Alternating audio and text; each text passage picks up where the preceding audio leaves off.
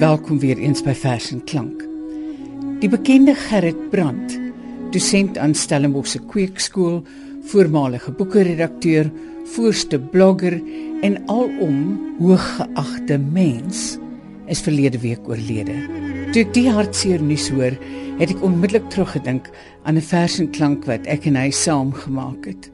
Kom ons luister weer na Gerrit Brandt soos hy geklink het op 14 April 2009. Ek het vir hom gevra om die keuse van die verse te maak. Dit is natuurlik moeilik om so 'n keuse te maak want watter gedigte kies jy nou? Gaan jy die beste gedigte kies? Gaan jy jou gunsteling gedigte kies? Dis altyd eintlik onmoontlik om te doen.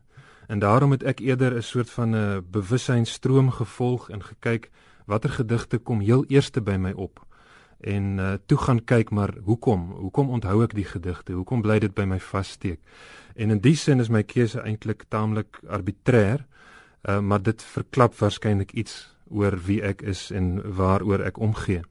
Die eerste gedig wat ek wil lees is een wat my ma en my pa my mee bekend gemaak het. En ek het my liefde vir poësie eintlik aan hulle te danke omdat hulle my van jongs af aan pragtige wiegelietjies en gediggies blootgestel het. En om die een of ander rede het ek alreeds as 9 of 10 jarige hierdie gedig van A.G. Visser toe die wêreld nog jonk was, so dikwels gelees dat ek hom later uit my kop kon opsê wat ek ongelukkig nie vandag meer kan doen nie. Maar dit bly vir my steeds 'n wonderlike ontdekking vir 'n kind om te sien hoe dat 'n mens met woorde kan speel en met 'n konsep soos die oudste man in die Bybelverhale 'n gedig kan maak toe die wêreld nog jonk was. Kort anderkant Jerusalem, daar het gewoon Methusalem, die man wat hul, dit sal jy sien, vermenigvuldig het by 10. Hy was geen 4 jaar in die land, toe kry hy al sy eerste tand. By 10 jaar kruip hy oral rond, 'n flinke knapie en gesond. Toe rol hy al en val en woel en staan hy op teen elke stoel. Nog skaars was hy 'n jaar of 11, toe stap klein Lemmy al van self. So groei hy op tot 60 jaar. Die eerste wisseltand was daar. En volgens landswet ry oom Kool op ou Behemoth na die skool. Sy vader se trots, sy moeder se vreugd met step by step en trap der jeugd in Hooggaldeus en Aramees want almal moes tweetalig wees. Dit was goed en wel, maar al te vaak het die twee opgemix geraak. Hy leer en voor hy 100 was, staan hy al eerste in sy klas. Op 160 moes meneer sy melkbaard al begin te skeer. 10 jaar daarna al katkeseer en Helmbroek die dubbele leer. Nog 10 jaar, toe begin hy al 'n mooi klein noontjie lastig val. Verniet dat vader loop en brom, kniealter span sal ek vir hom 'n bog van 180 jaar praat al van trou, so wrintie waar. Maar styf sal hy sy rieme loop, hy dink glo trou is kemmelkoop. Kind, sê sy ma, daar's baie tyd. Waarvoor die groot hastigheid? Maar wat? Die snuiter was getroud skaars 186 oud. En soos dit in die huwelik gaan, sy huisgesin groei stadig aan. So elke 30, 40 jaar is weer 'n nuwe ouetjie daar. So word met dat die eeue rol ook mettertyd sy koker vol.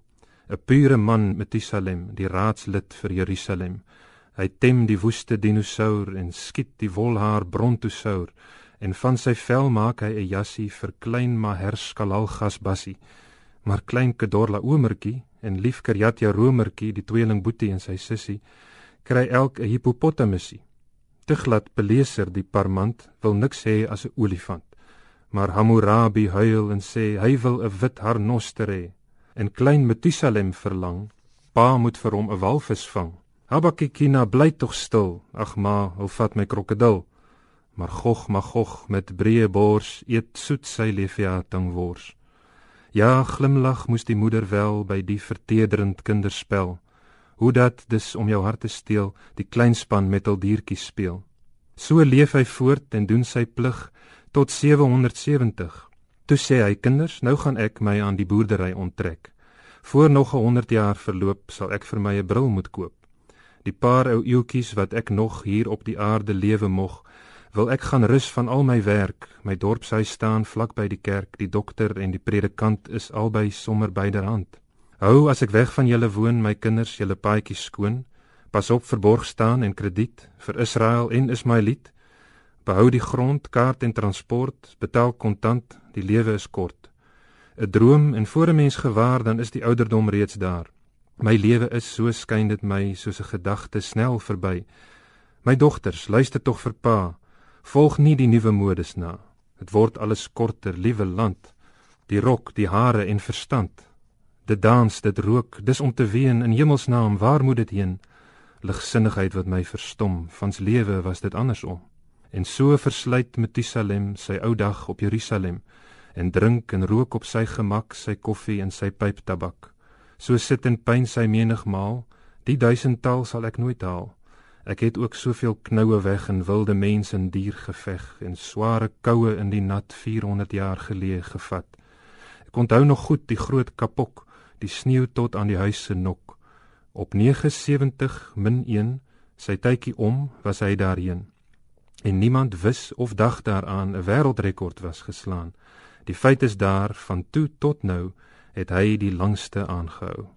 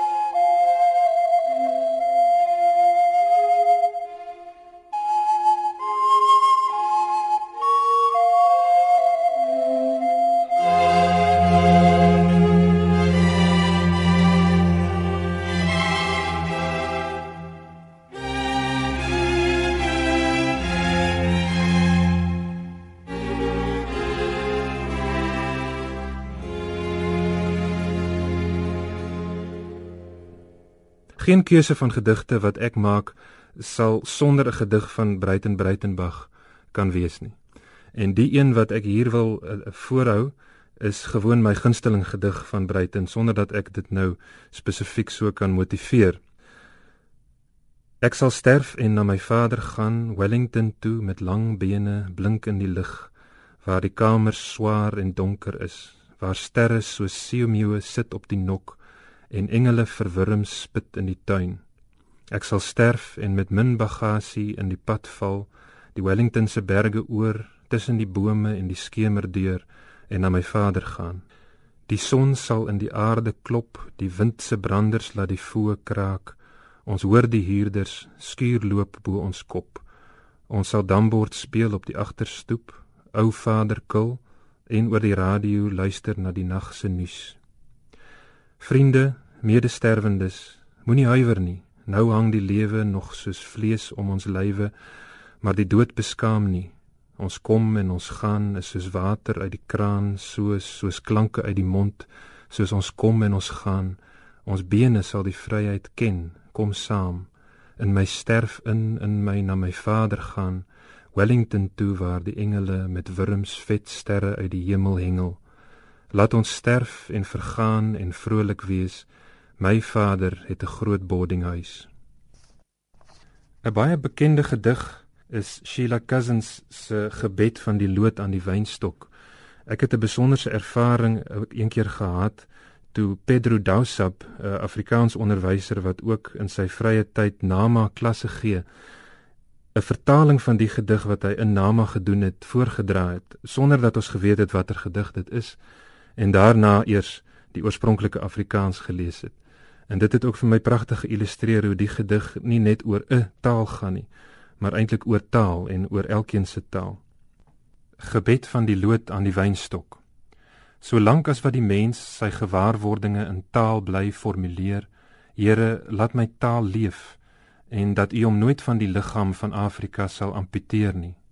En waar U moet terugsnoei, Heer, Laat ons u hand herken en rustig weet u sal uit die vuurige sap wat u nou tot besinning kastei iets wat helder en edel is eindelik distilleer.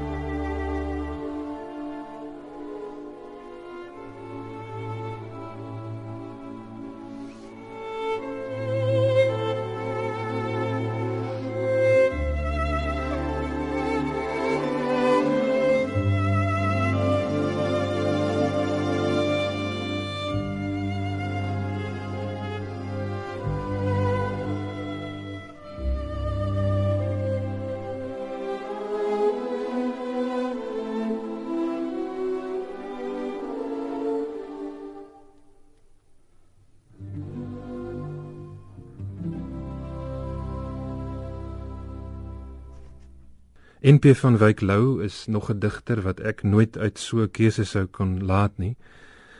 En 'n gedig van hom wat my altyd besonder roer omdat 'n mens weet dat van Wyk Lou ook maar 'n vroeger was en iemand wat hom met uh, diep geestelike en gedagte worstelings besig gehou het, is die gedig Jy was 'n kind waarin hy miskien as digter dan iets bely van wat 'n ander soort mens en 'n ander soort persoon vir hom kan beteken. Jy was 'n kind.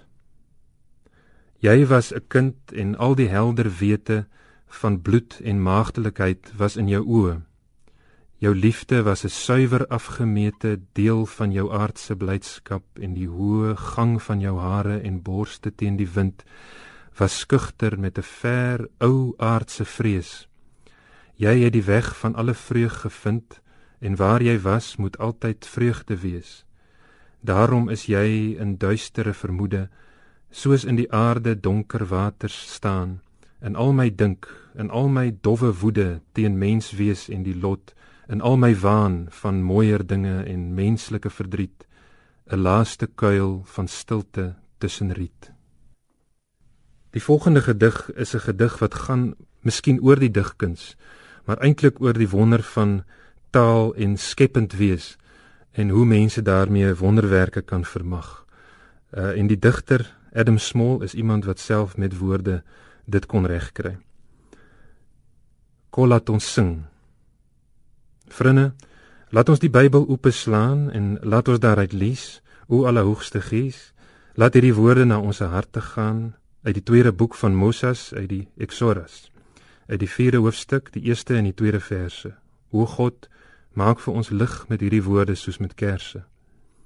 Toe antwoord Moses en hy sê: "Maar wat as hulle my nie glo nie aan my woorde vat, as hulle sê die Here het nie geappeer aan my?" Maar die Here sê vir hom: "Jy sal jou mense lei. Wat's in jou hand?" En Moses sê: "’n Staf." Nou vriende, dit was al wat hy gehad het, hierdie man van God, 'n staf, 'n dooie stok. En boonop het hy nog 'n hakkel ook. Maar die Here het toe lank met hom gepraat oor hoe hy met daai kierie doodgeslaan het die Egiptenaar en Moses het sy groot kop laat hang en toe toe skielik was daai selfde kierie in sy hand 'n slang. Nou vriende, die Here het gebring aan my sy wonderwerke ook so. Hy het gevra wat's in my hand en vriende in my hand was my kitaar. Kom, laat ons sing.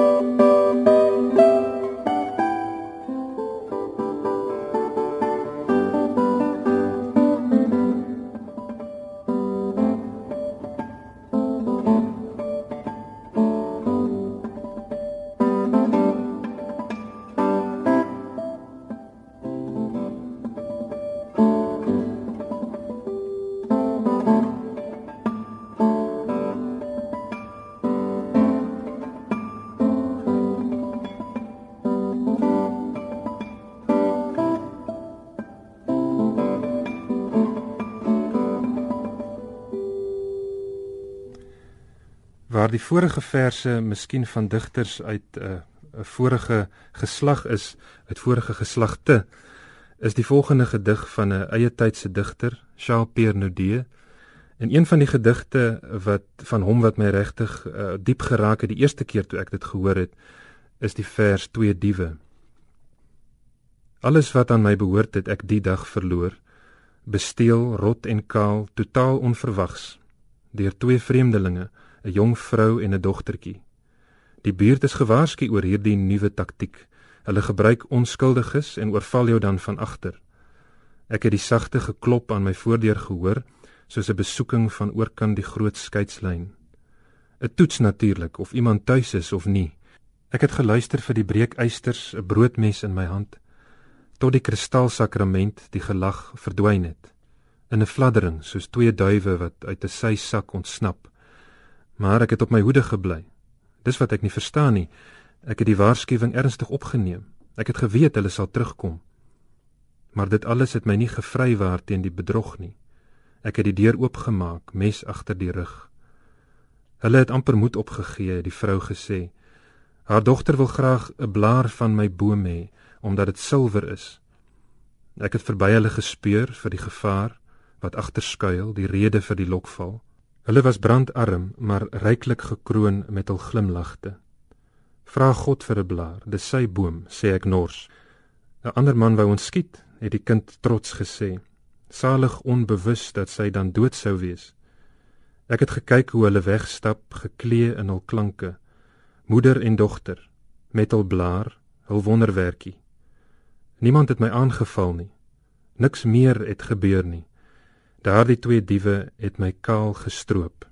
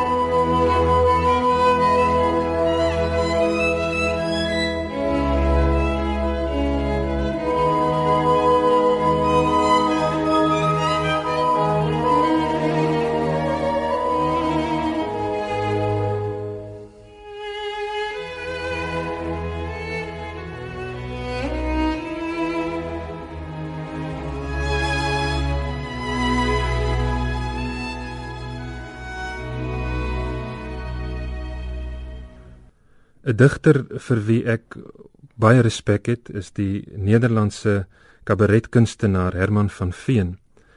Hy het self pragtige gedigte en lirieke geskryf, maar die gedig wat ek graag hier wil uh, voorlees is een deur Willem Wilmink wat deur Herman van Veen getoonset is. Dit is 'n gedig wat praat eintlik oor 'n baie belangrike vraag en dit is hoe sou dit wees as dinge net 'n bietjie anders gebeur het? Als dit net even anders was gegaan. Als Hitler toch de oorlog had gewonnen, wat weinig had gescheeld met de V2, hadden we dan nog levensmiddelenbonnen? Of viel de toestand achteraf beest mee? We kwamen zonder een niet-Jood-verklaring weer op normale wijze aan de poen, en er was geen verzekerde bewaring voor de zigeuners die geen mens iets doen. Er zou geen Jood en geen zigeuner meer bestaan, als het net even anders was gegaan. Geen Surinamers waren hier gekomen en geen Molukker was Europeaan. Geen gastarbeider was in dienst genomen, of toch, het vuile werk moet ook gedaan. Van concentratiekampen zou men praten, ach, dat valt wel mee, er wordt zoveel beweerd, en we zouden het rustig daarbij kunnen laten, want geen getuige was teruggekeerd. De nazi's hadden het veel grondiger gedaan, als het net even anders was gegaan. Hitler had een spierwitte snor gekregen, werd door de meerderheid gerespecteerd als vader van de autowegen, en hij had Mussert al geliquideerd.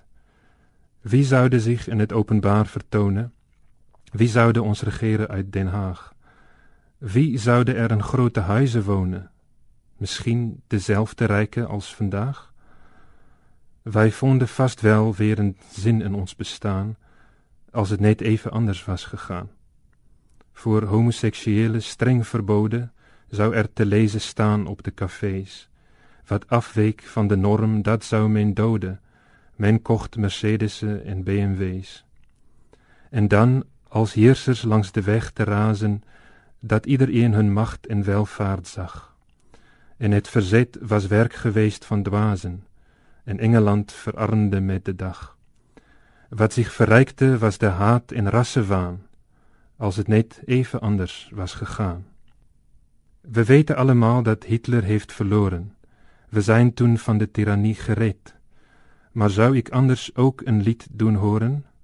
Een bloed- en bodemlied, of juist een van verzet? Zou er in zulke uitzichtloze tijden nog iets bestaan als hier en daar een sprank van moed en hoop die boeken doet verspreiden, Jan Kampert en Van Randwijk, Anne Frank? Zou dan het goede, schone, ware nog bestaan, als het net even anders was gegaan? Als Hitler toch de oorlog had gewonnen wat weinig had gescheeld met die V2. Hadden we dan nog levensmiddelenbonnen of viel de toestand achteraf best mee? We kwamen zonder een niet-Jood verklaring weer op normale wijze aan de poen.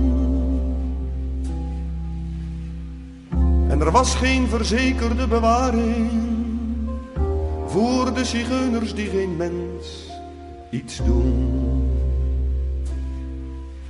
Er zou geen Jood en geen zigeuner meer bestaan als het net even anders was gegaan. Geen Surinamers waren hier gekomen. En geen Molukker was Europeaan. Geen gastarbeider was in dienst genomen. Of toch, het vuile werk moet ook gedaan. Van concentratiekampen zou men praten, ach, dat valt wel mee. Er wordt zoveel beweerd. En we zouden het rustig daarbij kunnen laten, want geen getuige was teruggekeerd. De nazi's hadden het veel grondiger gedaan, als het net even anders was gegaan. Voor homoseksuelen streng verboden. Zou er te lezen staan op de cafés. Wat afweek van de norm, dat zou men doden. Men kocht Mercedesen en BMW's. Om dan als heersers langs de weg te razen. Dat iedereen hun macht en welvaart zag. En het verzet was werk geweest van dwazen en Engeland verarmde met de dag. Wat zich verrijkte was de haat en rassenwaal, als het net even anders was gegaan.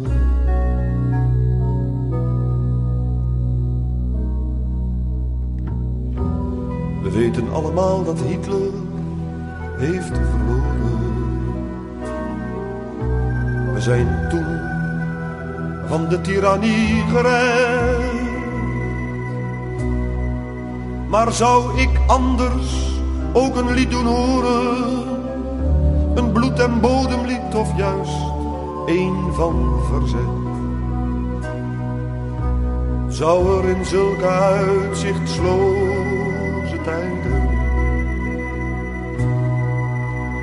nog iets bestaan als hier en daar een sprang van moed en hoop die boeken doet verspreiden Jan Kampert en van Randwijk Anne Frank. Zou dan het goede, schone, ware nog bestaan als het net even was gegaan?